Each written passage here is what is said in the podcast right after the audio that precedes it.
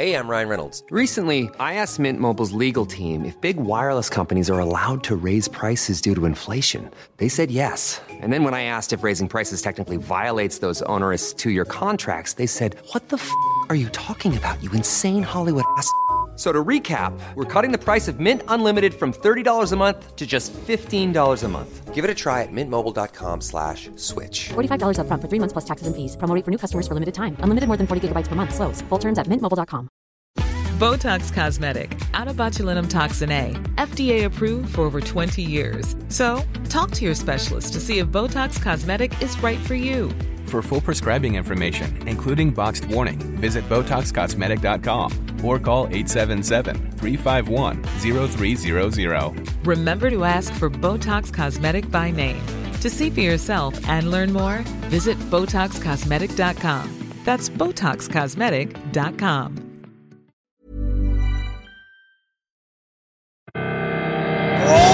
Welcome to the show.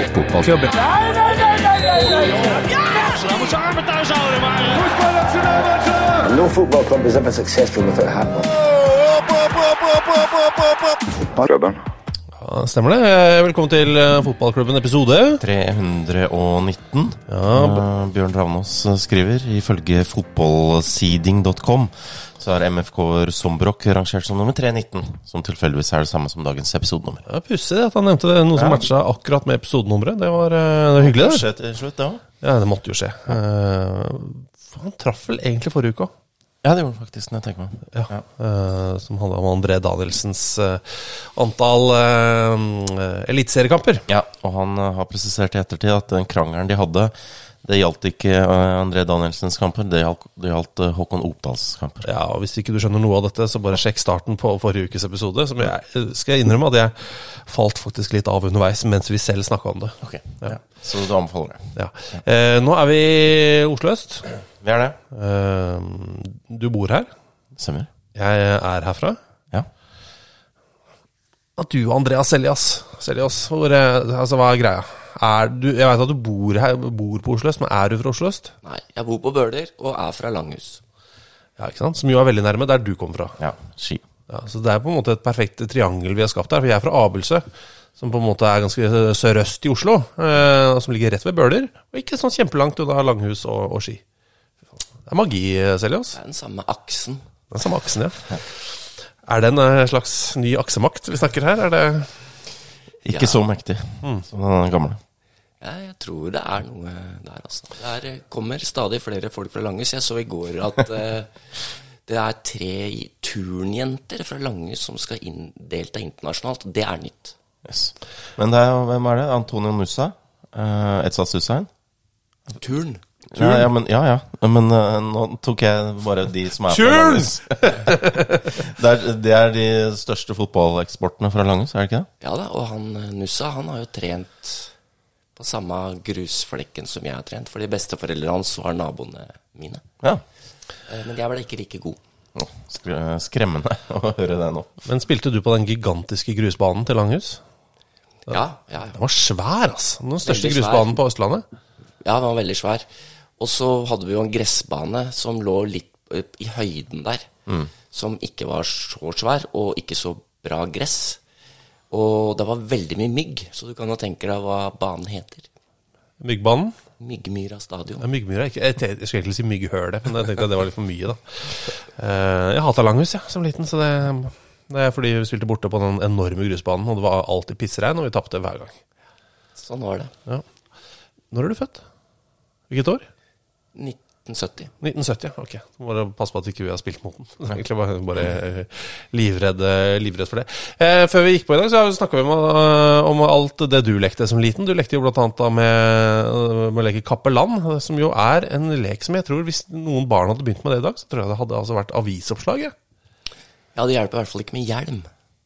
Nei. Det er altså å kaste en kniv.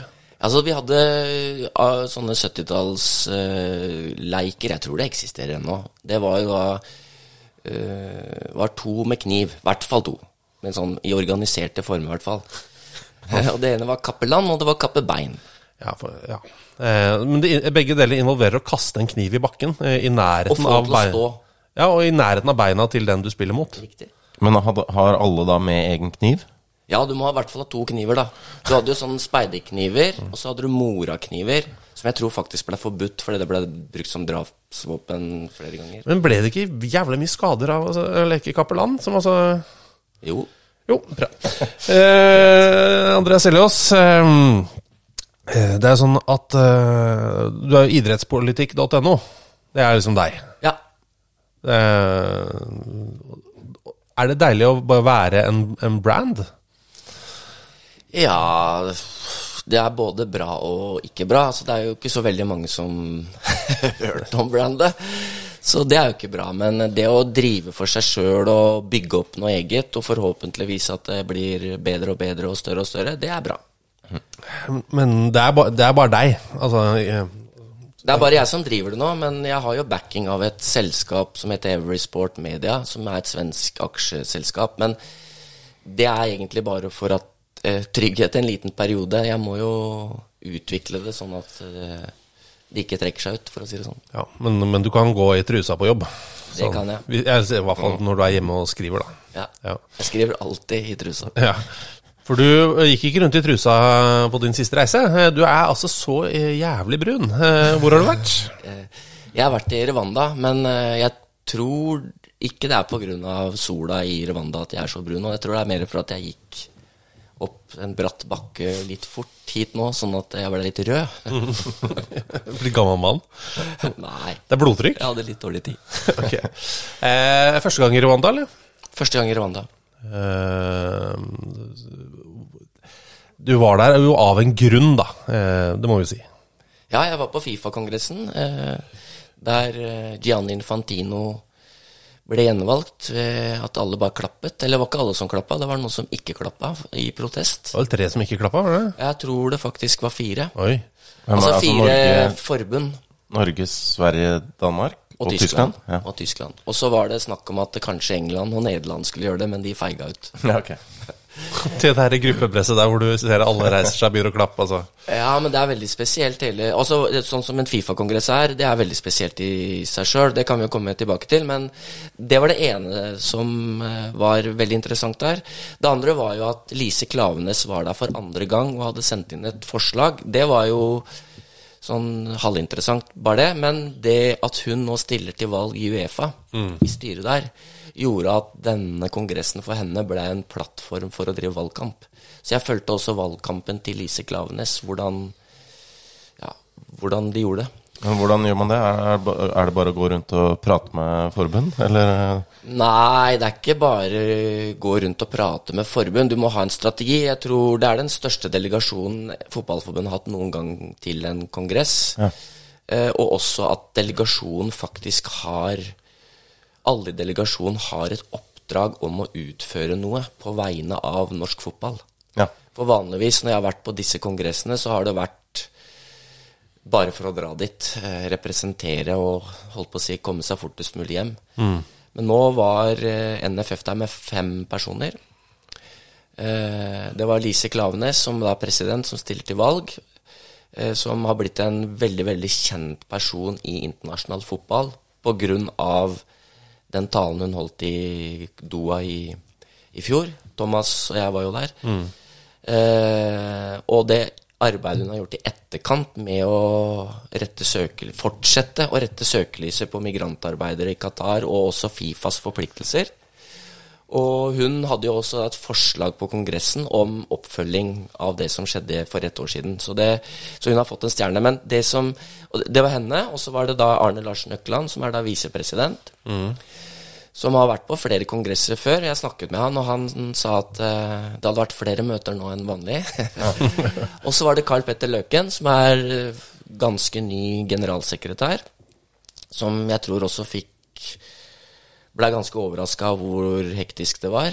Uh, For det er masete opplegg. det er Altså, veldig de er masete på opplegg. jobb, Også liksom. De gjør det masete også pga. valgkampen. Og så jo, har jo Lise Klavenes har jo organisert seg på en helt annen måte enn tidligere presidenter. Fordi hun har da ansatt en stabssjef Ja. som på en måte tar eh, Hva skal jeg si ansvaret for kalenderen og sånne ting. Men så har hun også da nylig ansatt en politisk rådgiver som er den som på en måte er Han kalte seg sjøl the wingman. Som er på en måte den som administrerer valgkampen akkurat nå. Det er Magnus Borgen, Magnus Borgen, og så er det eh, som da blant annet skrev til 'Fiender til vi dør'. Ja.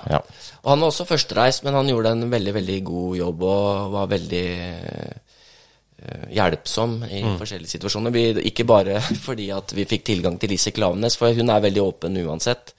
Det som var greia nå, var at det var veldig stort trøkk, sånn at du får ikke tilgang pga. det. Ikke fordi at hun er vrang, men også fordi at eh, Fifa og de rundt Infantino gjør alt de kan for å hindre journalister å gjøre jobben sin. Eh, og la Det syns jo NFF er ganske dumt. Ja. Nå kjenner jeg Lise ganske godt. Jeg vet at hun nok sånn privat kanskje ville brukt et litt sterkere uttrykk enn at det er, Det eh, at, det er at det er ganske dumt. Og så ville det hatt har ansatt en stabssjef. Hun har jo ikke retningssans. Den, eh, hun trenger jo egentlig bare et menneske som kan gå foran og være GPS. Nei, og, men det, er, ja, det ene er liksom at hun er et rotehue, men det andre er Så- at Samtidig, hun er både rotehue og ekstremt lite rotete. ja, Som er helt sånn Hun, Hun har har oversikt, på en måte. kjempeoversikt. Er dritsmart, men altså på de der daglige greiene Surr. Nei, men det, det at eh, den staben rundt, det har jo på en måte vakt litt kritikk, fordi at det koster jo penger. Ja, ja. Og Fotballforbundet gikk jo litt mer i minus enn de pleier i fjor enn uh, i fjor. Uh, så det er på en måte Så det er langtidsvirkningene her blir veldig viktig å se, da, sånn at det er verdt penga. Men det signaliserer også veldig sterkt at NFF endelig eh, ønsker å utrette noe når man er Ikke bare internasjonalt, men i, i fotballpolitikken. Eh, Og det gjør også at eh, de du møter At du får respekt hos de du møter, fordi du ser at det er et profesjonelt team rundt henne. Ja. Men eh, det er da valg på Uefa-kongressen eh, i Lisboa, er det det? Ja, det er da 5. april. Og hvordan foregår det? Er det sånn eh, et, eh, en nasjon, en stemme-opplegg? Eh, ja, for så vidt. Eh, det er det. Men det, det som Du får like mange stemmer som det er plasser i Uefa sitt styre. Eh, Det vil si at nå er det, i hvert fall sånn som det Ja, ligger an nå, så er det syv åpne plasser som du Ja. skal stemme på, men det er elleve kandidater. Ja. Det vil si at hvert forbund får sju stemmer, og så fordeler de de sju stemmene ut på de elleve personene, og så rangerer man eh, eh, altså antall stemmer eh, basert på de, Ja. det stemmetallet. Ja. Eh, og det betyr, altså i teorien, at det er 55 Uefa-land ganger sju. Det er antall stemmer du har. Men det er ikke sikkert at alle bruker alle stemmene, så det kan bli litt sånn Det går ikke helt opp, da. Nei, for du må ikke bruke. Du har, eh, kan, er det lov å legge to på én? Nei, det er det ikke. Og så er det også hemmelig tenk så spennende det hadde vært. Og så er det også hemmelig avstemning, så vidt jeg husker. Eh, nå endres reglene litt etter hvert, og så er det også litt forskjellig mellom Fifa og Uefa. Men, eh, og det gjør også at den lobbyvirksomheten kan bli litt sånn spesiell, eller at du kan få et falskt inntrykk av hvem som er støttespillerne dine, og du kan jo da få en aha-opplevelse eller en overraskelse når, Når valgresultatet faktisk foreligger. Ja. Så det er det som egentlig blir det mest spennende. Eh, Det er liksom den lobbykampanjen som foregår nå, som har foregått lenge før eh, Kigali og Rwanda, og som kommer til å fortsette for full hals eh, nå fram til begynnelsen av april. Eh, Så er det liksom litt sånn eh, Det er mange som sier at de kommer til å støtte deg, og at det er bra, og sånne ting, og så kommer du dit, og så får du to stemmer, liksom. Da har jo ikke valgkampen vært så vellykka. Jeg tror ikke det kommer til å skje, men eh, det er alltid et spenningsmoment. Men det er jo litt sånn, ja, for, altså det er Melodi Grand Prix, på en måte. Ja, men folk sier sånn det, Å, det lastes ned mye, og så kommer stemmene, så får du to, to poeng. Ja, Men det som, det som eh, Nå skal jeg være forsiktig med å skryte altfor mye her. Og nå er jeg liksom en kritisk journalist. men det som Men du, har- du har jo sett alle sammen her tett på. Det er, det er lov å skryte og Ja, ja, altså, eh, og så har jeg sett tidligere kongresser, Ja. eh, og dette her er et helt annet nivå. Men, og det som jeg syns jeg ser, da, og det som er veldig spennende, det er at strategien dreier seg for, på den ene siden om å snakke med flest mulig. Eh, og det er å snakke med altså presidenter eller andre fotballforbund. Og det er to formål. Det ene er å fortelle hva du mener. Og det andre er å få høre kanskje hvilken støtte du har. Men det er også lagt veldig veldig mye vekt på å være veldig åpen overfor eh, pressen, internasjonal presse. Eh, fordi da blir da synspunktene til NFF blir kringkasta i mange land. Og det kan i seg sjøl sette press på fotballedere i de landene der disse sakene kommer opp. Så jeg tror det er en ganske bevisst strategi. Altså ikke bare fordi at eh, NFF nå snakker om åpenhet, åpenhet, åpenhet. ikke sant? Det er åpenhet som er det største problemet i Fifa og Uefa og egentlig idretten som sådan. Men eh, det at åpenheten også da At de bruker den eh, filosofien da på å prøve å påvirke utenifra og inn. For det um, åh, Prøve liksom å være Skal, skal være litt diplomatisk, men eh, er, Hva skal vi si? Altså, det fremstår som det er en eh, Ligger en annen arbeidsmoral i bånn med denne presidenten enn det kanskje har gjort i noen tidligere år, da. Ja, uten tvil. Og nå har de også på en måte et mandat og har en plan. Mm. Det har det ikke vært tidligere. Altså, tidligere, det er litt feil. Altså, hvis du går 30 år tilbake i tid, med Per Ann Omdal og den gjengen der, så var de veldig, veldig gode. Mm. Karen Espelund. eh, De var jo sentralt plassert. De hadde et veldig sterkt internasjonalt engasjement. De var også veldig Og respektert. Og de har det fortsatt. Eh, respektert. Og jeg tror også at eh, de to personene spesielt, Karen Espelund og Per Ann Omdal, de hjelper til nå. Ja. Eh, litt for å fortelle om hvordan ting funker, men også at de bruker Uten at det har ikke jeg snakka med noen om, men det, det skinner gjennom litt, syns jeg. Eh, at de blir brukt, da. Eh, og, så det, måte, det var på en måte en sånn glansperiode, jeg vet ikke om det er riktig, men det var en brytningstid, og det var liksom like før at de fikk så mye makt. Og at f.eks. Lennart Johansson, som stilte opp som eh, kan- motkandidat mot Sepplatter, mm. at han nesten vant. Det var i den samme tidsperioden. Hadde Lennart Alle som vi snakker med, eller jeg snakker med når jeg er på reiser i om det er Qatar, Wanda, Helsingfors, Aten, eh, uansett hvor det er. De sier at hadde Lennart Johansson vunnet Nå husker jeg ikke hvor det er, 97 eller rundt omkring der, nå husker jeg ikke årstallet, så hadde Fifa vært noe helt annet. Og det er på mange måter den, den brisen der vi på en måte ser, da. Så spørs det da hva skjer. Er det det samme som skjer, eller kommer det til å bli noe nytt? Ja, for vi trenger noe mer enn en bris. Vi trenger jo en full Ja, nei, nei, orkan. revolusjon, rett og slett. Ja.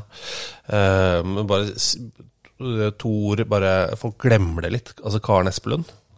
Altså for en dame. Eh, For en uh, ting hun har gjort. Folk glemmer at hun var en helt fantastisk fotballspiller. Eh, blant annet eh, oppi dette her. Det eh, eh, Og så virker hun alltid så streng. Men når du får henne på tomannshånd, veldig veldig gøyal og forteller noen helt sinnssyke historier fra både tid i fotballforbund, men også som, som spiller, da. Ja, ja. Og så er hun, hun er veldig kunnskapsrik, og så er hun veldig mye Så er hun ganske strategisk, tror jeg. Eh, når vi snakket med internasjonale journalister etter eh, den Lise Klavene sin tale i Doha og Da snakker vi om New York Times og Dead Times og tyske journalister og alt mulig. Liksom, vi spurte har du opplevd dette noen gang før. Og da var det Karen Espelund som kom opp som første navn. Det var det sist gang noen tok ordet på samme måte og snakka makta midt imot. Det er helt rått. Ja, så det er liksom en eh, rød tråd eller en hva skal jeg si, linje mellom de to personene. Så det blir veldig spennende å se nå om Nå tror jeg ikke Karen Espelund var så offensiv og så åpen og hadde en så bevisst strategi. Jeg tror kanskje det var litt andre mekanismer som styrte da. Men ja. Det var en, annen, det var en helt annen tid også. ja, ja, ja. Eh, Men hva skjer da hvis Lise blir stemt inn i Uefa-styret? Hva, hva har hun tilgang til, på en måte? Eh, Nei, da blir det jo styremøter med ganske mektige personer. Eh, Det ene er jo Alexander Sefrin, Uefa-presidenten, som hun har møtt for å si at hun stilte til valg. Eh, Jeg er litt spent på hva, hvor smart det var, men eh, eh, det kan hende at det var veldig smart, og så kan det hende at det var veldig dumt. Eh, men der er også en av hennes verste fiender sitter jo i Uefa sitt styre, og det er Nasser al-Khalifi, som er da styreformann i PSG og fra Qatar, og som kanskje nå er Europas mektigste fotballpolitiker. Som ikke er så veldig glad for det Elise Klaveness gjorde i, i Qatar. Det er en veldig veldig hyggelig måte å si det på. Ja.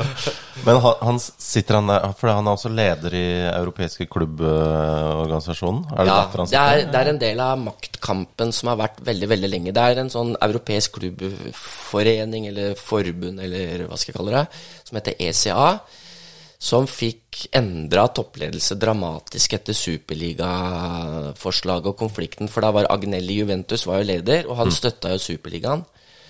Eh, og han og flere måtte gå, eh, som eh, var fra klubber som støtta Superligaen. Og da PSG var jo en av de klubbene som ikke støtta Superligaen. Så da ble han leder for denne klubbforeningen. Og så har det jo vært en, egentlig en konflikt mellom denne klubbforeningen og Uefa i veldig mange år. Sånn da i for en ja fem seks-sju år siden, jeg er litt usikker på akkurat når, så ble det inngått et sånn memorando understanding mellom Uefa og denne klubbforeningen om at ECA skulle ha to plasser i Uefa sitt styre. Så de er da ikke valgt, men de blir da for automatisk plass. Ja. Og det gjorde at han, Nasser Al-Khalaifi, fikk da en styreplass i eh, Uefa sitt styre. Så hvis Lise Klavenes kommer inn, så er det jo styremøte med han. Ja. Men det er, det er lang vei å gå. Det som er litt spesielt Eller kanskje ikke så spesielt, kanskje det er sånn, eh, det er sånn Lise Klavenes er. Det er jo at for at man skulle sikre kvinnelig representasjon i EFO sitt styre, så har man jo noen år nå hatt en kvinnerepresentant. Altså det er bare en kvinne som kan stille til den plassen. Eh, og det har jo da til nå vært den fransk eh, generalsekretæren i det franske forbundet. Og hun er jo ute nå pga. dramatiske eh, ting som skjer i det franske forbundet. Altså overgrepssaker, økonomisk rot, eh, konfli- eh, massevis av konflikter som eh, har gjort at både fotballpresidenten og generalsekretæren måtte gå. Hardua heter hun, generalsekretæren. Hun har til og med fått hjerteattakk på, oppi alt dette. Eller hjerteinfarkt. Eh, og så har jo da det på en måte åpna en Ikke en automatisk, men en kvinneplass. Men da har Lise Klaveness valgt å ikke ta den plassen, for hun mener at det gir et både et dårlig signal, signal men også at eh, hun har lyst til å kjempe om en ordinær plass i likestillingens navn. Ja. Og det som Men så er det da en dame fra eh, Jeg tror Wales. Eh, jurist. Lesbisk. Tidligere landslagsspiller osv. Som stiller opp til den plassen.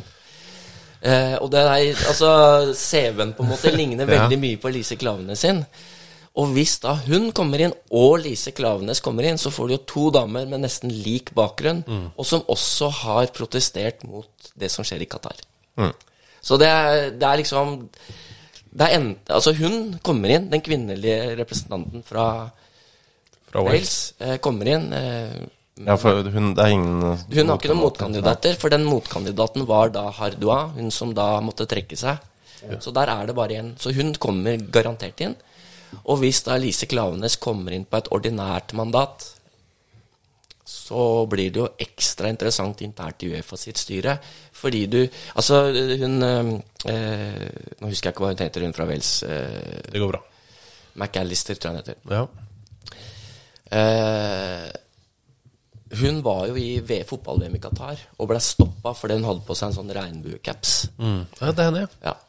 Eh, og det skapte en del overskrifter, og det viser jo he også hennes Og hun prøvde jo å stille opp til Fifa sitt styre forrige gang det var Fifa-kongress, men eh, kom ikke inn, fikk for få stemmer. Så hun har prøvd å komme inn lenge. Eh, så jeg kan tenke meg at det ble et ganske rått par internt i Uefa sitt styre, hvis det blir en realitet.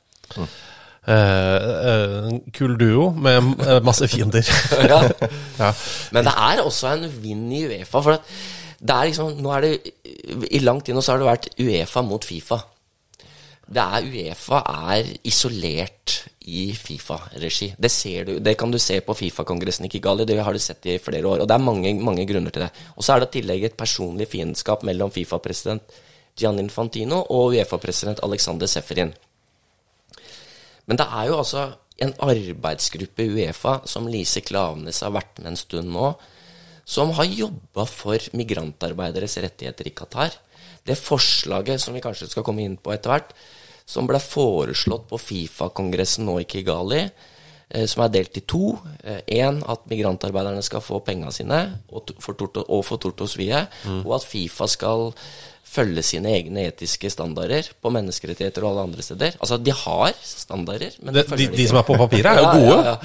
ja, det er jo UE, en Uefa-gruppe bestående av Tyskland, Sveits og Norge og andre land som har kjempa fram. Så det er på mange måter en form for opp, intern opposisjon i Uefa, men også en opposisjon overfor Fifa.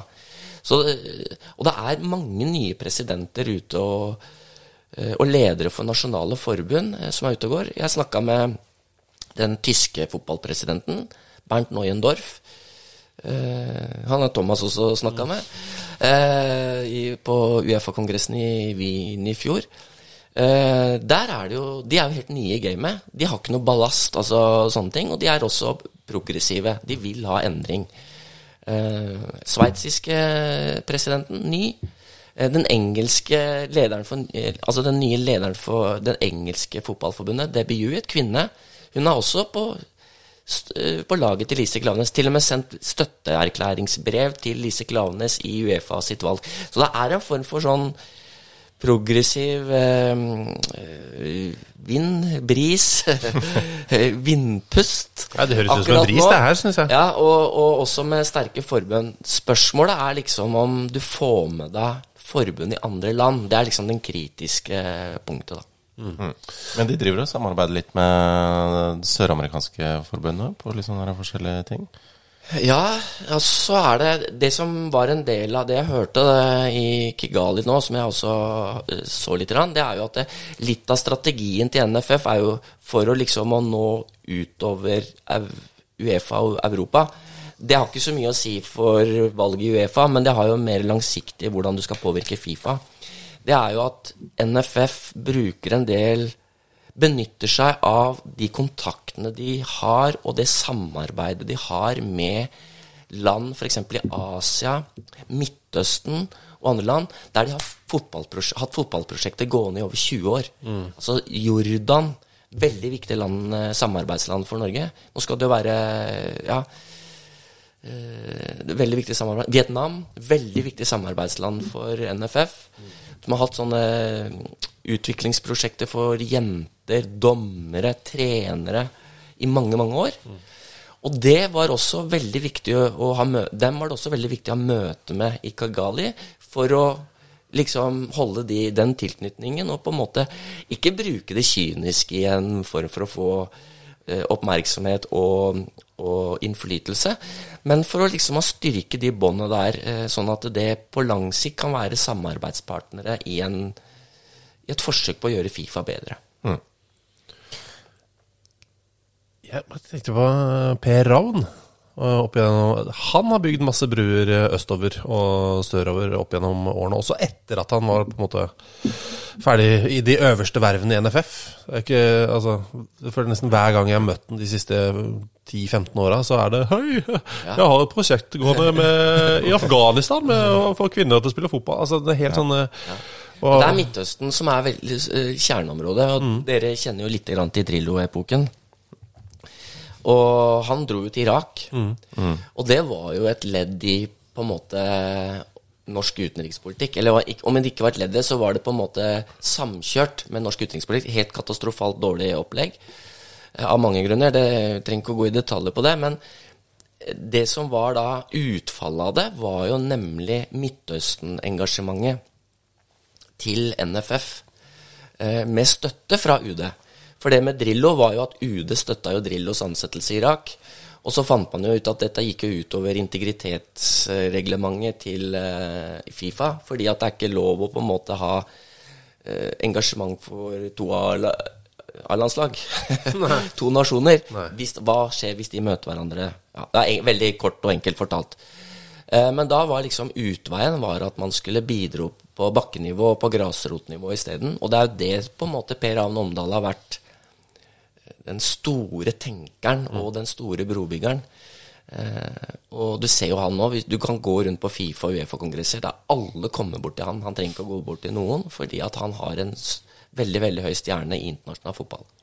En utrolig fet fyr, rett, rett og slett. Ja. Det å få audiens på kontoret til eh, Per Ravn der, på, oppe på Ullevål altså.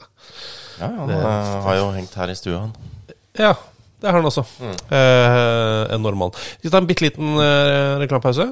Kan gjøre. Eh, så da skal dere få denne snuten. Sometimes may be good, sometimes may be shit. Grabben. Botox Cosmetic, out of botulinum toxin A, FDA approved for over 20 years. So, talk to your specialist to see if Botox Cosmetic is right for you. For full prescribing information, including boxed warning, visit BotoxCosmetic.com or call 877-351-0300. Remember to ask for Botox Cosmetic by name. To see for yourself and learn more, visit BotoxCosmetic.com. That's BotoxCosmetic.com. Hey, I'm Ryan Reynolds. At Mint Mobile, we like to do the opposite of what Big Wireless does. They charge you a lot, we charge you a little. So naturally, when they announced they'd be raising their prices due to inflation, we decided to deflate our prices due to not hating you. That's right. We're cutting the price of Mint Unlimited from $30 a month to just $15 a month. Give it a try at mintmobile.com slash switch. $45 upfront for three months plus taxes and fees. Promo for new customers for limited time. Unlimited more than 40 gigabytes per month. Slows. Full terms at mintmobile.com. Sitter jeg fortsatt med prinsen av eh, idrettspolitikk.no. Eh, Andreas Seljås. Du sånn er det når- Du er jo hertug, du er jo keiser. Det er keiserdømme. Kan gi, eh, kan gi deg sjøl titler eh, akkurat den tittelen du ønsker på idrettspolitikk.no. MBE? Nei. Nei, det vil jeg ikke ha. Eh, hva med MSE, altså Member of the Seljås Empire? Det er jo Det er ganske lite. det, det er jævlig sterkt. Verdens minste rike. Men folk må jo gå inn på idrettspolitikk.no. Bare si det før vi skal prate Fifa-kongress litt til. Men uh, gå inn på idrettspolitikk.no. Skaff dere et abonnement. Nju! Er det noen gode dealer nå, eller? Prompte. Eh, vi kan se. Nå har jeg hatt en del gode dealer som ikke funka, så kanskje dårlige dealer er det som funker. Ja, kanskje det. At, uh, du heller sånn skremmer eh, neste uke, så setter jeg opp prisen.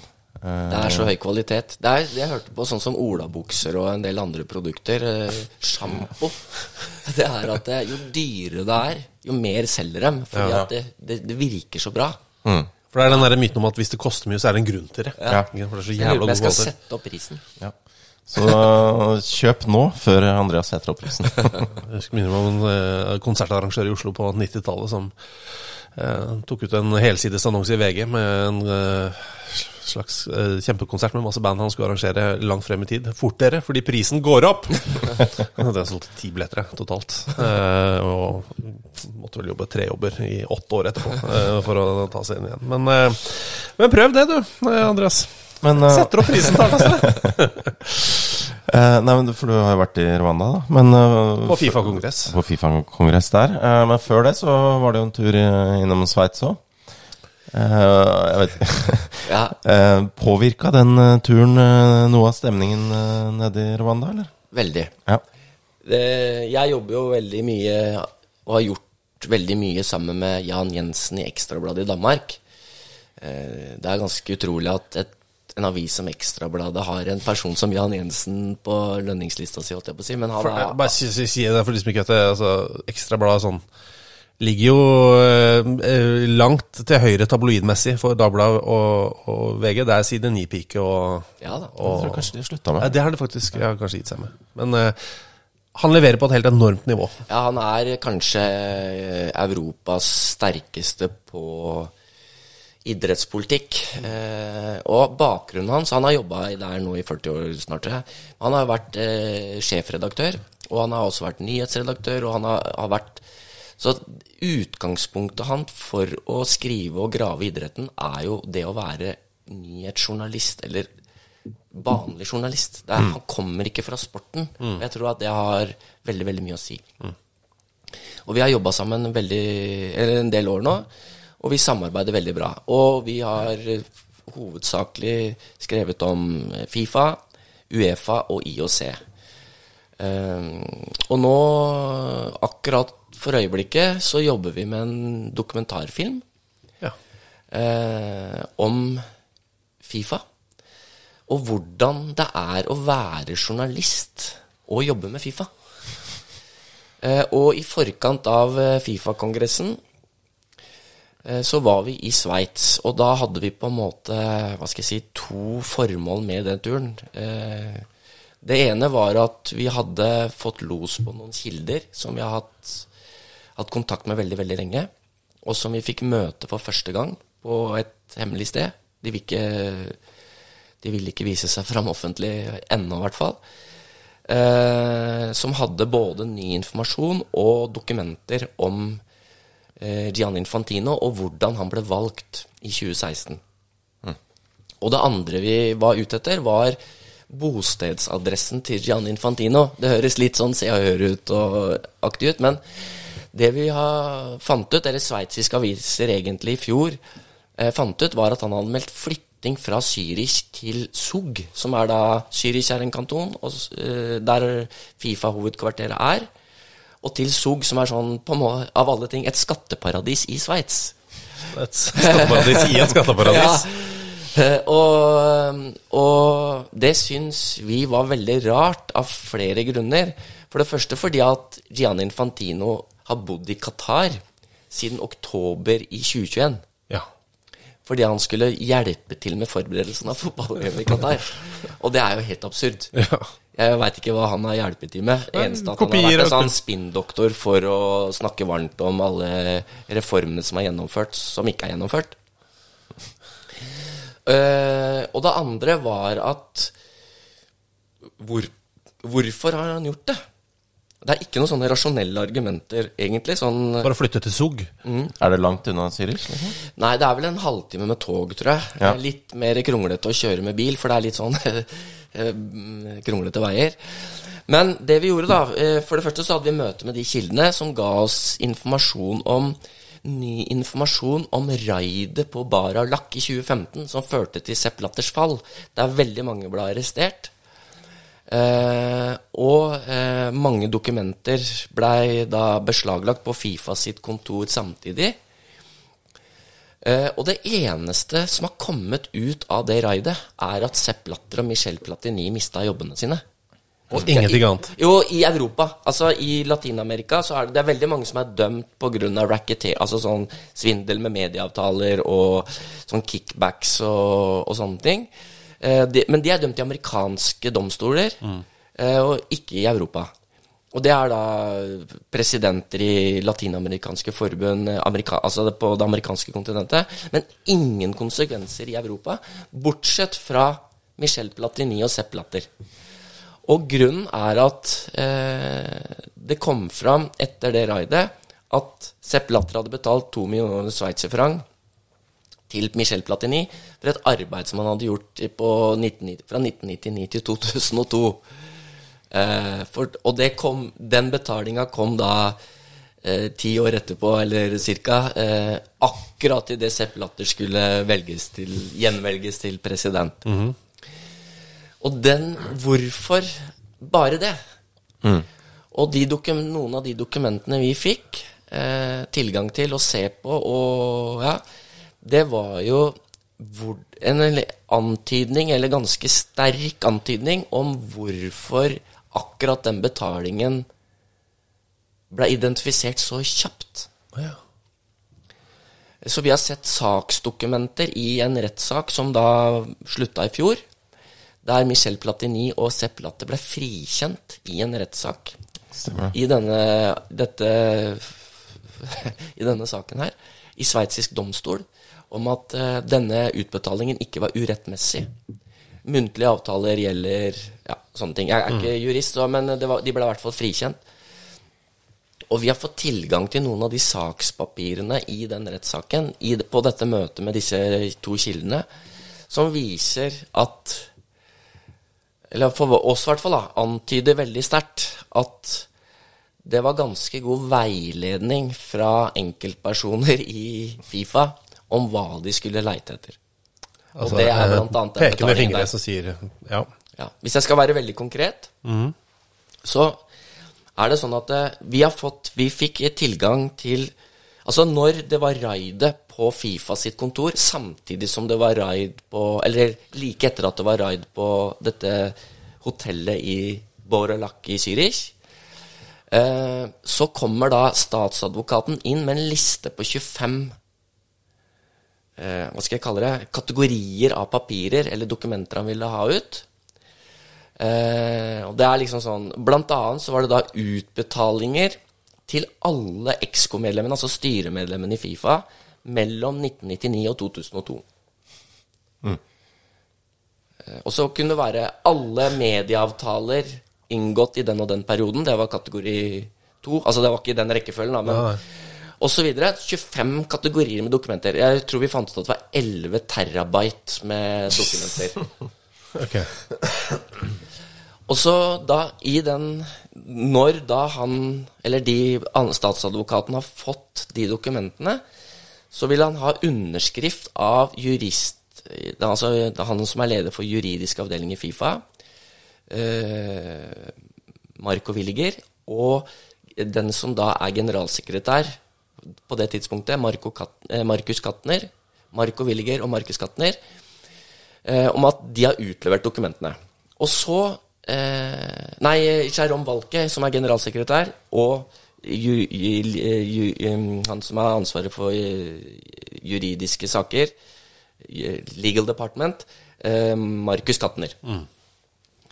Og så ber eh, Marco Williger, som er da Som har altså en eh, Nå går jeg litt sur i ansvarsforholdet her, men i hvert fall det er Jérôme Valke og Markus Katner som skriver under. Og så vil Marco Williger, som ja, han er leder for juridisk avdeling, han sier at du skal signere Altså, de vil at det skal forsegles. Så han skriver Vi vil Jeg har skrift Jeg har papiret med skriftet på. Vi vil at dette dokumentet dok, eh, Denne pakka med dokumenter skal forsegles. Og det betyr at hvis du skal bla i de dokumentene, så må du på en måte ha tillatelse fra en dommer, eller det er sånne juridiske prosesser for å åpne, sånn at ikke hvem som helst kan se på de dokumentene. Det er for å beskytte Altså at det ikke skal eh, komme med lekkasjer, men det er også for å beskytte personer, eh, også de som har signert de, det papiret. Så det er på en måte en sånn eh, juridisk rett du har, da. Og så fikk, har vi også fått tak i et dokument, og det er det som er det spesielle her. Det er at seinere på kvelden, altså dette her skjer på formiddagen, og seinere på kvelden så kommer det et nytt, er det et nytt dokument som blir presentert for Marco Williger, som var en sterk støttespiller til Gianni Infantino, der det er dratt ut fire kategorier Av de av de 25. eh, Der det, der, de, der, det står, der det er sånne bokser på siden ja-nei. Vil dere fortsatt, eller vil dere forsegle disse kategoriene? Og da skri, så krysser da Marco Williger nei, så skriver han under. Så samme dagen så oppheves forseglingen på fire av de 25 24, eller 20, jeg tror det var 25 kategorier. 25 kategoriene. Og en av dem er alle utbetalingene mellom EXCO-medlemmene fra 1999 til 2002. Og det er i den tidsperioden ehm, eh, eh, Da eh, Nei, altså den, den betalingen Altså den avtalen skal ha vært inngått. Og da plutselig så går det veldig, veldig kort tid, så er det Sepp Latter og Michel Platini som blir den store saken, og ikke alt det andre. Ehm, og det er jo veldig mistenkelig. det ja, For da er det 21 andre Og det er liksom, kategorier, hvis du har 11 terabyte, så trenger du Dette her skjedde vel da i mm, mai. Eh, og det Og Michel Platini og Sepp Latte ble vel suspendert i oktober. Da har du gått gjennom 11 terabyte dokumenter, og så er det akkurat det eneste du har funnet, er det, nesten. Det som Det noen har pekt, mistenkelig, pekt ja, mot. det er veldig mistenkelig. Så det var liksom Og det er på en måte Det er jo bare Det er ikke noe endelig bevis og sånne ting, men det er en, en de- Det er én brikke til i det puslespillet som Jan og jeg har lagd i flere år nå, med mange andre ting, som er veldig spesielt, og som antyder veldig sterkt Jeg bruker litt sånne juridiske, diplomatiske ord her nå. Det er lurt, det. Ja. Eh, at det er Gianni Infantino spilte et spill for å bli Fifa-president, og at han visste hvilke, hva slags informasjon som var sensitivt eh, når det gjaldt konkurrenten hans. Eh, og så blei hun jo president, og så er det liksom det, Han er jo en, blitt en diktator. Eh, og blitt veldig høy på seg sjøl. Han er, virker grådig og narsissistisk og alt mulig. Det er liksom veldig mange karakteristikker som gjør at han virker som en usympatisk person, rett og slett. Og da er spørsmålet hvorfor har han meldt flytting? Og Til det- Sug. hvor, til Zug. eh, Bjørn Og da, da dro vi etter at vi hadde møtt disse kildene her, og vi har fått masse annen informasjon og hva vi skal følge opp og masse sånne ting. Og, og da dro vi dit, og så Det var sveitsiske aviser som avslørte, dette i fjor, i november, tror jeg. Og så dro vi dit, og så dro vi Vi fant ut hvor han bodde. Vi har fått plantegninger, vi veit hvilken etasje han har meldt flytting til. eh, Adre, altså vi har sånn, holdt på å si, sånn personreg... Altså melding av adresseforandring og sånn. Holdt på å si Brønnøysundregisteret. Det ligner litt på det, for det står hva du jobber med og sånne ting. Og hvem som eier bygningen og sånne ting. Og så dro vi dit. Og så er det liksom Vi fikk vite at han bodde i toppetasjen på en leilighet. Men det var ikke noe navn på ringeklokka, og det var ikke noe navn på postkassa. Og, vi, alt var veldig veldig merkelig, og vi snakka med flere naboer, og de hadde hørt at han hadde flytta dit, aldri sett den. Og han meldte flytting i juni i fjor. Eh, og det som da er Så sjekka vi med eh, postvesenet og jurister og sånne ting, så vis, og de forteller oss at det, hvis du melder flytting, og du skal på en måte betale mindre skatt, da, hvis det er målet ditt, så må du ha navnet ditt på postkassa, du må ha navnet ditt på ringeklokka, og så må du bo Det må vises at du bor der. Hvis ikke så er det en sånn proforma-greie. Og da kan du Du kan flytte dit, men du må betale skatt der du egentlig bor. Eh, og det var det vi Og når vi sto der, da, så kom jo politiet. og, og vi blei stoppa av politiet. Pass Det var rett utafor bygningen. Om hvem som er ringt, aner ikke. Men det var jo Når du lager dokumentarfilm, så ble det godt TV, da. eh, og vi snakka litt med de politifolka og sånne ting, og de Ja. De fortalte liksom litt hvor dyrt det var der, og hvem som bodde i nabolaget. Da. Bare milliardærer, og det var liksom Eller veldig rike folk, da. Så det, og da skrev vi jo Skulle, skulle vi skrive disse sakene da, som på oppspill til Fifa-kongressen i Kigali. Og da må du jo sende spørsmål til eh, Fifa eller Gianni Infantino og spørre om hvorfor har du meldt over, flytting, overgang, holdt jeg på å si, sånn fotballterminologi. Eh, hvem er det som betaler leiligheten din i Qatar? Altså Vi stilte seks-sju spørsmål, tror jeg. Og, da, og ga da tidsfrist, som vi ofte gjør, fordi at vi har deadline og sånne ting. For jeg skriver både for idrettspolitikk.no og Ekstrabladet. Eh, og det Ekstrabladet er også en papiravis, og de har sånn trykketider som er litt sånn ukjent i dag. Eh, og da fikk vi ganske kjapt svar om at dette var å bevege seg inn på privatlivets fred, og han flytter hvor han vil, og, og hvis vi forfølger denne saken her, så kommer, vi, kommer det til å gå oss dårlig. Altså, det var en trussel om advokater. Eh, Men vi med våre egne jurister så sa de at dette var greit, eh, og vi publiserte de sakene. Og når vi kom dit, altså på pressekonferansen i Nå går jeg litt sånn fort fram her. Pressekonferansen så gikk jo Gianni Infantino eh, til knallhardt angrep mot journalister. Vi var onde. Mm. Brukte han ordet onde? Ja, min. Ja. Eh, og at vi var så personlig. Han nevnte jo ikke saken vår, og det var jo sikkert mange andre journalister som hadde spurt om andre ting. Men eh, indirekte så tror jeg det var en del av pakka. Det var at han var misfornøyd med det vi hadde gjort. Og kanskje jeg skryter litt, eller tar Utnytter denne saken litt mer enn det er. Men, men det som skjedde, har skjedd nå de siste dagene, da, det er at sveitsiske aviser har tatt opp saken vår og snakka med skattemyndighetene i Zürich. Og de sier at hvis det vi har funnet ut, er korrekt, så kan ikke Så unnslipper ikke Gianni Infantino skatt i Zürich. Nei. Og hvis motivasjonen til Gianni Infantino Jeg aner ikke hvorfor. Å flytte dit for å betale mindre skatt, så har han jo tapt. Ja. Hvis det vi fant ut, er korrekt. Og liksom han tre, Jeg så på regnskapet til Fifa nå siste, perio- eh, siste år. Han tjente nesten 30 millioner kroner. Han får ca. mellom 15 og 20 millioner i lønn, altså fastlønn. Og så får han sånn bonus, og så har han sånn per diem, som alle, altså sånn eh, betaling for alle reisedager og sånn, som, som alle andre i Fifa har. Ja. Kost og losji. Akkurat som han trenger det. 30 millioner. Og så bor du sikkert gratis i Qatar.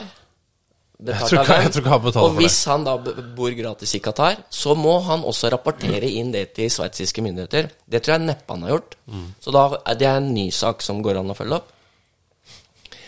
Eh, og da er det liksom sånn Hva er motivasjon Vi, fant, vi regna ut da at han ville spare ca. 3 millioner kroner på å flytte fra Syris til Sug. I, I året. i året. Ja. Hvorfor? Han har 30 millioner kroner. I, han er sikker på at han bruker ikke en krone av egne penger. Kanskje suvenirer eh, når han er ute og reiser. Og så skal han liksom spare 3 millioner. Nå spekulerer jeg, men altså, hvis det er det som er grunnen, så er det jo helt ko-ko. Og så skal du lede da verdens største idrettsorganisasjon. Han kaller seg til og med en volunteer, altså frivillig. Gjør han det? Ja, han stiller jo opp på sånne pressekonferanser med sånn, sånn, sånn eh, dress, altså sånn eh, treningsdress, som frivillige gjør når de jobber i, i VM og sånn. Og non-profit-organisasjon og sånne ting. Og så er liksom flytter du til Sug uten å bo der. Altså, det er jo helt Skal ikke være sånn. Men eh, noe profitt har de også, Fifa. Jo, De går et visst men de sier jo det at de pløyer alt tilbake til idretten, og det er et annet diskusjonselement. Altså, han blei gjenvalgt. Ja. eh, med klapping. Fire land som ikke klappa. Eh, og de som klapper, gjør jo ikke det fordi syns, de syns at han er en sånn stor leder eller bidrar til utvikling av fotballen og sånne ting. Han kanaliserer enormt med penger til fotballforbund i hele verden. Ja. Og når veldig mange av fotballforbundene er på, som Fifa, da, ikke åpne, de er ikke så veldig demokratiske strukturer. De som er ledere der, tenker ofte mer på å reise rundt og fete seg på sånne kongresser, eh, og ikke kanalisere penga ned til grasrota, så er det ikke noe rart han blir gjenvalgt. Nei. Men eh, tror du Gianni Infantino hater deg? Nei, det veit jeg ikke. Tror Jeg tror, jeg tror han, han couldn't care less. Eh, og så er det bare å ta igjen, og så Han veit at det vi holder på med akkurat nå, i hvert fall, ikke har noen konsekvenser for han. Jeg håper at han er litt overmodig, da, at det får konsekvenser. ja, For det er, jo, det, er jo, det er jo hybris som, som feller sånne folk. Ja, det, og det er liksom som Jan alltid sier når jeg er ute. Han har jobba litt lenger enn meg, kanskje ikke i 100 år, men han sier at Al Capone han ble ikke tatt fordi han drepte folk og drev med ma- mafiavirksomhet. Han ble tatt fordi han unndro skatt. Eh, så det er liksom Al Capone-metaforen eller analogien eller sammenligninga vi bruker her, da. Men altså, vi- vi opplevde en annen ting i Kigali som var veldig, veldig spesielt, og som på en måte viser Jeg vet ikke om det er hevn eller ma vise makt eller hva det er. Det var dagen før Fifa-kongressen, så skulle det spilles en fotballturnering mellom alle de regionale forbundene og et eget lag fra Rwanda og et eget lag fra Fifa. Gian Infantino spilte på Fifa sitt lag. Altså Det var sånn old, old boys, old girls-turnering med sånne plukka ut fra forbund og sånn. Lise Klavene spilte for Uefa. Eh, eh, Kagame, altså Ravan, presidenten i Rwanda, han spilte for Van, det rwandiske teamet. Han var dårlig. Han var dårligere enn Gianni Infantino. Og egentlig så var dette et lukka arrangement. Det var ikke, det var, og det kan jeg skjønne, fordi at de ville jo ikke vise hvor dårlig det var til å spille fotball han der. Men pressen kunne søke om akkreditering for å komme inn. Og jeg glemte å søke akkreditering, så jeg skal egentlig ikke klage. Men det var journalister fra fire nasjoner som ikke fikk akkreditering. Gjett hvilke fire land. Nei, skal vi ta Norge, da? Sverige, Danmark Nei, ikke Nei, Sverige. ikke, ikke Sverige. Um, For de hadde ikke noen journalister der. Tyskland, Norge, Danmark Ja, det var, altså Sverige kunne da blitt Ja. nekta, da, fordi, men de hadde ikke noen journalister der. Men vi, tre land ble nekta. Mens England, alle afrikanske land, alle, så fra, uh, alle andre land, de var der inne. Og vi fikk vite at det var plasshensyn. Så var det en kollega fra New York Times som tok bilde av pressetribunen og viste hvor pakka den var. Altså, det var én person på hver rad, ikke sant? Og det var til og med Det regna ute. Så hvis hadde, alle journalistene hadde vært på banen, så hadde de stått under tak akkurat da. Og vi krangla da i 45 minutter. Altså TV 2 ble nekta, Aftenposten ble nekta, NRK ble nekta, idrettspolitikk.no ble nekta, Ekstrabladet ble nekta, Politikken ble nekta, ARD, WDR, ZDF Altså alle tyske ble nekta. Og vi sto der ute. Og så kommer da denne personen ut som har liksom mest makt i medieavdelinga når det gjelder kontakt med journalister. Som også var den som håndterte vår, Jan og meg, min sin pressehenvendelse. Som trua oss med advokater. Som vi sto og megla med i 45 minutter. De håpa at vi skulle ikke orke å stå der, og at vi skulle gå. Det var flere norske journalister som ikke orka å stå der lenger, og også andre. Men, eh, og han ble veldig provosert at vi hadde kamera og filma når han snakka med oss og sånne ting. Og til slutt, og eh, Lise Klavenes og den delegasjonen hennes som var der inne, de også prøvde å si til Fifa at det er bare å slippe dem inn, det er, gjør jo ikke noe. Eh, Så endelig så kom vi inn. Men det der var veldig påfallende, og det var, det var helt tydelig en form for sånn maktarroganse. Eh, og at de skulle straffe At det virka som de skulle straffe journalister fra de landene som hadde vært kritisk til Gianni Fantino. Altså det var altså ikke bare straff av oss, men av fotballforbundene. Ja, men Det er en veldig sånn kjent taktikk, ikke bare her, da, men sånn ellers. Altså, vise at du har makta. At du har styringa, da. Eh, det samme det med å true med journalister. Det er jo sue to harass. Det, er, det er jo ikke fordi de har tenkt å tjene penger på det, eller egentlig mener noe. Det er bare for å få deg til å holde kjeft. Altså det var Men vi ga oss ikke å komme inn og fikk filma. og Vi har jo på bånd nå hvor dårlig Kagame og Infantino er til å spille fotball, så hvis vi skal bruke noe mot dem seinere, så har vi en halvtime på bånd. Ja, Interessante skatteløsninger. Inter Kagame, interessante måter å snakke om folk som blir drept i utlandet på. Ja. Eh, og eh, ja, og så videre. Men du Jeg må jo spørre. Det er altså Fifa-kongress. Eh, nummer eh, i, i rekken for deg? Nei, altså, jeg har ikke Ja, det er min fjerde, tror jeg. Jeg, kom, fikk ikke lov å være med i, i Russland. Da fikk jeg ikke akkreditering. Men eh, vet, det kan være mange grunner til det. Ja, øh, men Jeg har eh, vært på flere Uefa-kongresser. er Åssen er øh, Hva er opplegg? Uh, Fifa-kongress, Rwanda. Altså Altså sånn Formelt sett så er det jo Alle idrettsforbund og fotballforbund må jo ha et sånn årlig møte der de liksom går gjennom budsjett og sånne ting. Så det er jo på en måte det De må ha det. Hvis ikke så kan de faktisk bli suspendert sjøl. de må selvsuspendere seg. Nei. Det og, men det er liksom Du skal velge styre, president, vedta budsjett øh, og sånne ting. Så der møter jo alle forbundene opp. Det er 211 Fifa-forbund. Og alle kommer. Eh, nei, eh, alle kommer ikke, og det er forskjellige grunner til det. Nå var det 209 forbund som møtte opp.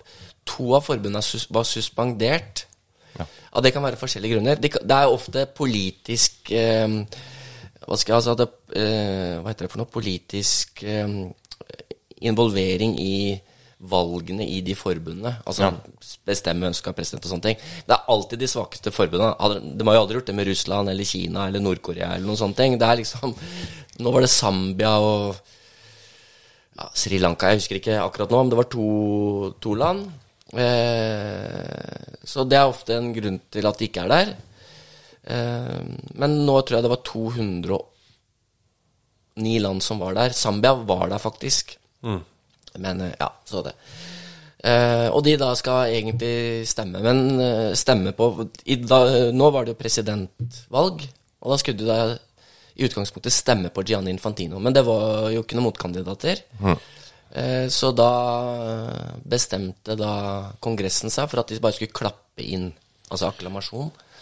Og da valgte jo da Det eneste protestvirkemidlet som var der da, var å ikke klappe. Det er jo helt ko-ko. Eh, så det. Eh, og så er det da Da sitter jo også Fifa Council, sitter da opp, altså styret til Fifa, som er 30 pluss representanter, sitter der oppe. Eh, På en scene. På en scene og se mot Kongressen. Og så er det da først eh, bakerst sitter, Helt bakerst sitter pressen. Og så sitter da forbundene. Eh, I år var det litt morsomt fordi alle delegatene fikk en fotballdrakt hver. Oi. Det var på setene, som alle fikk nummer 23. Eh, og så er det da alle de regionale forbundene, altså Uefa, Fifa Nei, Uefa, KAF, AFC, CONCACAF, Commonball osv. De sitter da med sine delegasjoner der. Og så er det vipper og dignitære som sitter foran der, og som ser mot da, scenen. Så det er liksom arkitekturen, eh, det fysiske. Spesielt underholdningskonsept. Ja, det er jo ikke så veldig underholdende. Det er jo Nord-Korea light, liksom. Det er jo veldig Er det sånn le- den store lederen taler? Ja, Altså, og særlig nå. Det er liksom veldig altså, Åssen har han sier- forandret ja, bare, Sorry. Jeg ja, han, er liksom, han snakker veldig, vi- veldig mye om seg sjøl, og veldig mye om økonomi. Og så gjentar han hele tiden at dette handler ikke om han og penger.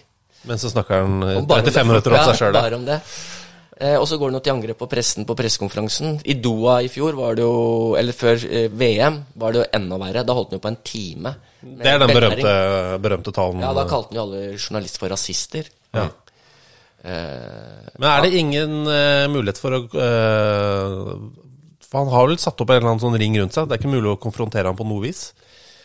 Nei, altså det er de pressekonferansene var åtte spørsmål, tror jeg, nå. Det gikk i galt i. Og da, Nei, nei. de to Det ett var sånn soft-greie, og den andre var ganske knallhardt. Og da bare avbrøyt uh, pressesjefen til Infantino og sa at nå var det nok. Uh, men det er liksom Han kaller journalister for rasister. Nå var vi onde. Han sa til og med i fjor, eller om det var i Qatar eller litt før, om at fotballen var så sterk på det afrikanske kontinentet kontinent at de hadde forhindra at det kom så mange båtflyktninger til Europa. Altså det er liksom Det er en helt egen verden. Veldig selvsentrert. Veldig aggressiv overfor øh, de som snakker den imot.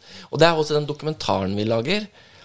Der er det jo liksom Det første er liksom hvordan han blir valgt. Og så er det to faser til med utrenskninger. Det ene er liksom intern opposisjon.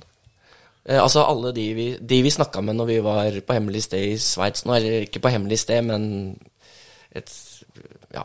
Det var, det var et veldig kjent sted, men eh, og- Men det er jo på ukjent adresse, som det heter. Nei, ikke ukjent adresse, men eh, de folka ville ikke, de vil ikke stå fram med navn. Nei, men for oss de er ble det ukjent. sparka pga. intern opposisjon. Okay. Og så er det neste fase er jo utrensning av de kontrollmekanismene rundt, altså etisk komité og sånne ting. Det er liksom fase tre.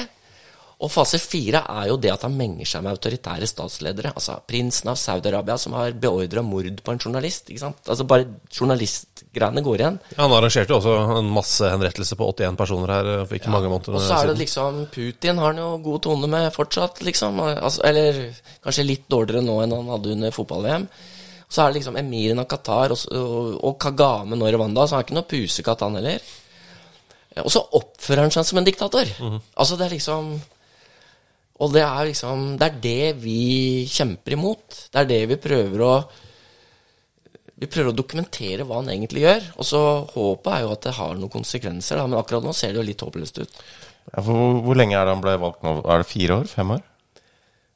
Det er fire år om gangen. Men Ja. han har jo da Altså, han ble valgt i 2016 på et reformprogram. Det var et Hva vil det si?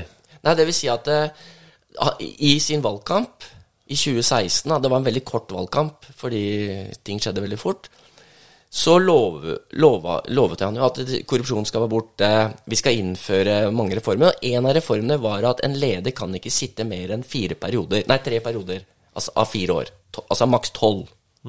Ikke sant? Eh, Det var en av de tingene. Og dette, han, sånn som Lise Klavenes fortalte åpent om Novi Kigali, til meg og til flere andre hun snakket med, så han har ikke levert på ett eneste reformforslag. Null! Og da, er det, det, og da er det spesielt det derre nå, nå, jeg nå kommer jeg inn på det spørsmålet om hvor lenge han skal sitte. Eh, Det er litt om meg, men det er, konteksten er veldig viktig. Fordi nå ble han gjenvalgt for fire år. Det vil si at eh, om fire år så har han da sittet i fire Nei, to hele fireårsperioder pluss tre. Ja. Fordi at han kom inn ett år etter. Altså Ja, ett inn i en år periode. i en periode. Eh, og da har han fått Fifa sitt styre til å godta at den treårsperioden ikke teller som en periode. Så at han faktisk kan sitte i 15 år. Yes. Det er ah. Så vi har åtte år igjen. Ja, Mest sannsynlig, hvis ikke det er korrupsjon eller andre ting Ja. som feller den. Og at politiet griper inn, eller at journalister finner ting, eller at det blir et internt opprør enten i Fifa, altså internt, som det egentlig var i start, har vært litt, grann, men som har blitt eh, lagt død, og eh, eller fra f.eks. Eh, fotballforbund, Europa pluss noen andre. Men han må jo omgi seg med eh, ja-mennesker. Ja, Eh, og noen Altså han har gjort den utrenskinga si. Eh, hvor stor jeg bare lurer på, hvor stor er den sirkelen, hvis du skjønner? Altså Av folk som, eh, som bare sier 'ja, president', 'ja, president', 'ja, president'. Eh, og er de Er de der av grådighet, eller er de der nå bare av frykt? eller er det en blanding? For jeg, jeg er jo veldig interessert i den gjengen rundt ham også. Eh, hvis du skjønner hva jeg mener? Altså, Hva slags Ja. mennesker er, er dette? Jeg tror han er sammen Altså, perso han som person er har en veldig, veldig lukka krets. Ja, men det er én ting jeg har lyst til å legge til, eller ja. i- på, i det, akkurat det der. Fordi jeg, hvis, jeg snakker med veldig mange i Fifa-administrasjonen. Det kan gjerne være på kommunikasjonsavdelinga eller folk som har ansvar for forskjellige, forskjellige ting. De er veldig hjelpsomme. De er veldig åpne. Uh, stiller du et spørsmål, så prøver de å finne det ut. Eh, spør du om de kan hjelpe deg med noe, så hjelper de deg. Det var flere når vi ikke kom inn på den fotballkampen som jeg snakka om, som var veldig fortvila over at vi ble behandla på den. Altså oppriktig fortvila, for det var ikke sånn vi skulle behandles. Men på toppen så sitter det Så sitter jo han, og så har han en eh, svensk eh, generalsekretær. eh, Som ikke er Fatma Samora, eh, som er den egentlige generalsekretæren. Han har en egen svensk som heter Mathias Gravstrøm, som er på mange måter den som holder i alt, og som er på en måte hans ja-mann. Og så har han eh, en eller to på kommunikasjonsavdelinga. Eh, blant annet en som heter Brian Swanson, som eh, Thomas og jeg møtte i Wien i fjor. Som stoppa oss når vi var på vei mot Infantino. Han sto da to meter unna. Han var på Uefa-kongressen. Og jeg hadde bare lyst til å stille et veldig veldig enkelt spørsmål. Vi kom ikke bort igjen, for han var så veldig opptatt. To meter unna. Og da var det Brian Swanson som stoppa. Det var han som leder pressekonferansene. Eh, og det, er- de, og så er det Så jeg tror det er det som er på en måte hans indre krets. Og så har han jo da Fatma Samora fra Senegal, som er generalsekretær, som er bare en marionette. Det er bare et sånt For å vise at han bryr seg om kvinner og Afrika og sånn. Altså, det er helt banalt, det greiene hun holder på med, og innf den innflytelsen hun har. Som jeg tror, jeg tror nesten ikke de snakker sammen. Nei. Eh, og det er jo ganske dumt. ja, det Når du skal drive, altså Hvis liksom målet er å drive en Han sendte jo henne til og med bort eh, fordi at det var trøbbel i det afrikanske forbundet. Og da sendte Gianni Infantino henne til hovedkontoret til CAF, altså det afrikanske fotballforbundet, for å administrere det. Ja. Så det, da hadde de jo ikke noe generalsekretær nesten i, i Fifa som kunne administrere Fifa. Selvfølgelig hadde de det. Det tror jeg var Mathias Grafstrøm, svensken. Så det er liksom Jeg tror det er en veldig, veldig lukka krets. Ja-mennesker. Og så er det jo da at han på en måte får råd eller blir styrt av disse lederne, politiske lederne han omgir seg med. Jeg ofte, får ofte spørsmål hva er forskjellen på Blatter og, og Infantino. Alle ble jo glad for at Blatter ble borte. Og så kommer da Infantino med sine reformer. Alle, NFF var en som foreslo Infantino, ikke sant? Og så leverer han ikke varene sånn som han har lovt. Eh, Men det som er greia med Blatter, uten at jeg skal hvitvaske han på noe som helst måte, det var jo at han var eneveldig hersker i Fifa. Altså han styrte Fifa. Og han hadde på en måte en idé om utvikling av fotball. Det kunne være kvinnefotball, eller at eh, Afrika eller Asia eller eh, sånne ting. Altså at det på en måte Og så var det korrupt. Brune konvolutter. Men det var det som gjorde at han holdt seg med makta. Det var at han ikke var med nødvendigvis på all korrupsjon. Han visste at korrupsjonen foregikk, og det var nettopp det som gjorde at han beholdt makta. Ja. Han lot folk få holde på med sitt så lenge de støtta han. Det er jo ikke noe sånn sympatisk lederstruktur, det heller. Det er ikke den ønskede måten å gjøre på. på. poenget da er at nå er det sånn at Fifa-presidenten blir styrt av noen utenfra.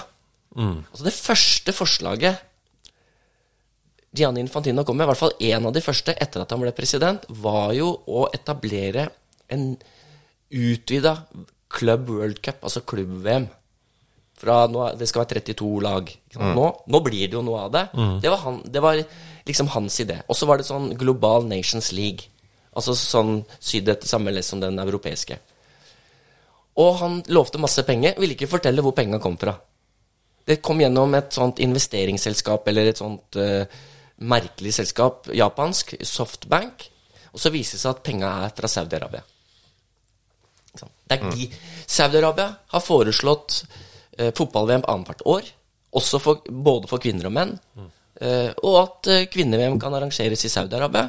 Det har Gianni Infantino sagt å knalle i det. Altså, det kan komme masse sånne eksempler. Saudi-Arabia arrangerer mye, de. Ja, er og Qatar, jeg så kalenderen til Qatar i går. Det er i en år.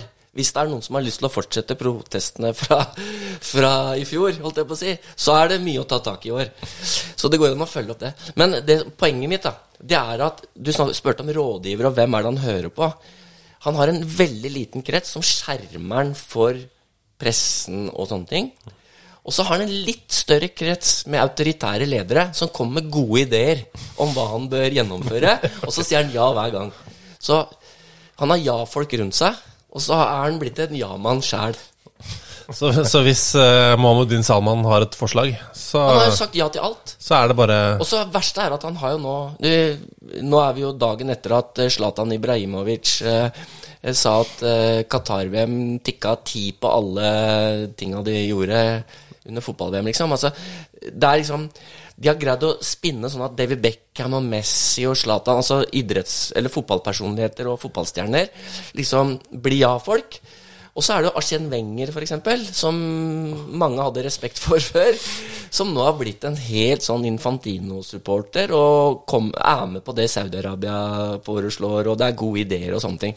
Så det har blitt en sånn ja- ja-mennesker i, i toppen av fotballen. Men de sier ja på forslag som kommer fra folk som vi vanligvis ikke bør høre på. Når Zlatan sitter der og sier ti, eh, ti, ti, ti Organiseringen ti poeng, opplevelsen ti poeng, kampen ti poeng, publikum ti poeng, maten ti poeng, reisen ti poeng. Alt var ti poeng. Eh, er du nå liksom eh, så Hva heter det?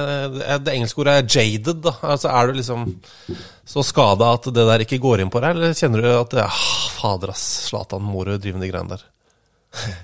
Altså Når det gjelder Zlatan, så har han har jo sagt mye rart. Eh, altså I en sånn setting så kan det godt hende han sier ting bare for å provosere, og jeg veit ikke hva han mener engang. Men uh, akkurat det bryr jeg meg ikke om. Det jeg bryr meg om, er mer at jeg personlig, da Altså Hvis jeg liksom kobler meg fra journalisten Altså Journalisten skal egentlig bare grave fram ting eh, på en riktig og god måte, få fram perspektiver og sånne ting. Og så må andre ta på en måte konsekvensen av journalistikken. Men i bånn så er det jo at jeg er veldig glad i fotball. Jeg er veldig glad i idrett. Og jeg syns at det som skjer nå Jeg mener at det som skjer nå Jeg hater folk som sier 'jeg tenker at' Det skal jeg aldri si. Nå holdt jeg på å si det. Jeg holdt på å si altså, jeg mener nå at fotballen og idretten er på feil vei. Ja. Eh, og det at Zlatan, om han tuller eller mener det, det har ikke så mye å si.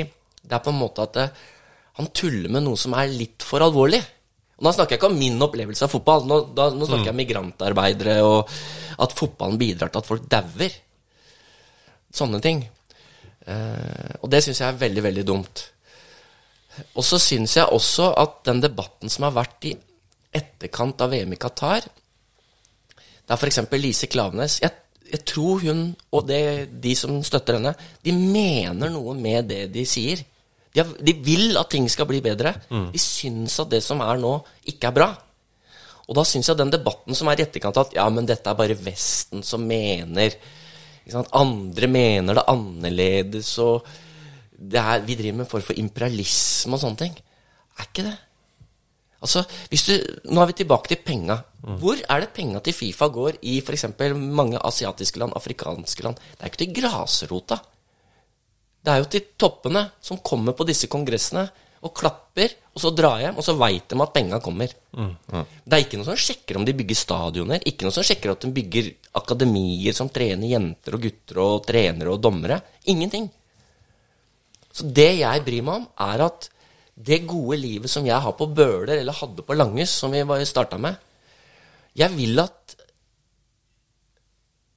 jenter og gutter i alle land i verden skal nyte godt av de penga, og, og at de penga blir brukt på at dem skal få lov til å spille fotball med gode veiledere, trygge omgivelser og sånne ting. Det er det vi snakker om. Og det er det liksom Det er liksom mitt samfunnsengasjement. Og så håper jeg da at den journalistikken som jeg holder på med, kan bidra til det. Det er ikke noe sånn at jeg ser ned på noen. Altså, Å bli kalt for rasist i kritikken av Qatar er jo helt absurd. Når dem jeg har forsvart, er muslimer og buddhister og alle andre migrantarbeidere som daua fordi de bygde et VM-stadion som Messi kunne spille på. Altså, det er jo helt ko-ko. Helt ko-ko. For det er, ikke, det er jo At jeg er ond Ja. fordi at jeg spør hvorfor Gianni Infantino har flytta fra syrisk til Sugg, og hvem som betaler leiligheten hans i Qatar. Da er jeg ond! Altså, kom igjen, da. Hvem er det som er ond? Det er dem som ikke bryr seg om dem fotballen er til for. Altså, ja. å kan ikke bry seg om de svakeste. Det er, ja, hadde jeg eh, kappa land med Gianni Infantino, så hadde jeg bomma med vilje. altså på landet. Ja, på land. Men tåa hadde kanskje fått en liten snei. Ripe i skoa. uh, Peller inn på idrettspolitikk.no. Ja. Eh, og eh, er det årsabonnement? Månedsabonnement? Det er begge deler. Begge deler. Eh, Og så er det sånn at jeg er egentlig ikke fan av sånne ting, men det er Jeg har ikke fått fast jobb, holdt jeg på å si, norsk presse av sikkert mange grunner. Kanskje fordi jeg er udugelig. Men det er på en måte for å få dette til å gå rundt, da. Og greie å leve av det. Og jeg garanterer at man får andre saker og andre vinklinger der enn man får ellers. Og så kan man gjerne kritisere for om det er for snevert eller for uh, dårlig. Men nei, det får man ikke lov til. For det er verken for snevert eller for dårlig. Det er for viktig og for bra til å ikke abonnere på. Idrettspolitikk er nå. Pelter inn. Uh, gjør det. Ikke er Enkelt og greit. Eh, så må jeg bare si, Andreas, jeg har kjent deg i noen år nå. Det deg også, Thomas. Også kjent deg i noen år. Ja, ja, ja. Jeg tror liksom at hvis jeg måtte velge eh, altså, å bli liksom utsatt for uh, mas, da For du, du maser jo litt, ikke sant? Det, det oppleves som mas. jeg gir meg aldri. Ja, Og det er bra. Ja. Og Dette er ment som ros. altså. Ja, ja, bra. Det som kommer nå, er ment som ros. Ja, ja, bra. Men hvis jeg hadde vært Infantino, eh, så hadde jeg altså hata å hatt deg gående. For at du er eh, For jeg har sett deg in action. Eh, du er jo du er så jævla Du er jo så høflig, og så er du så blid, og det er det verste. Ja, Men det er jo det verste. For da, da kan du liksom ikke si Å, er bare eller, Han kan jo kalle deg ond, da, men du skjønner hva jeg mener. Det er at det er Nei, den, ja, den jabbinga der, den er jeg altså så ekst... Jeg er misunnelig. Det er det jeg prøver å si. Jeg er misunnelig på energien og pågåenheten din.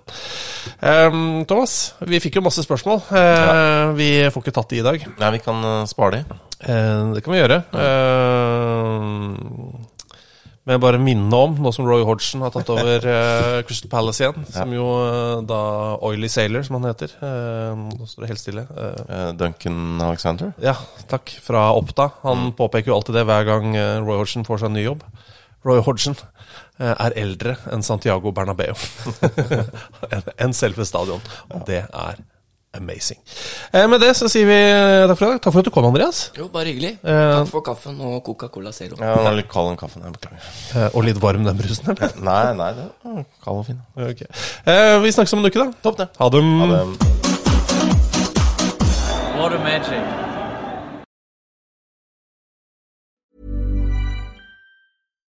Botox Cosmetic, out of botulinum toxin A, FDA approved for over 20 years. So, talk to your specialist to see if Botox Cosmetic is right for you. For full prescribing information, including boxed warning, visit BotoxCosmetic.com or call 877 351 0300. Remember to ask for Botox Cosmetic by name. To see for yourself and learn more, visit BotoxCosmetic.com. That's BotoxCosmetic.com. Every fan knows the right player in the right position can be a game changer. Put LifeLock between your identity and identity thieves to monitor and alert you to threats you could miss. Plus, with a US-based restoration specialist on your team, you won't have to face drained accounts, fraudulent loans, or other losses from identity theft alone. All backed by the LifeLock Million Dollar Protection Package. Change the game on identity theft. Save up to 25% your first year at LifeLock.com slash aware.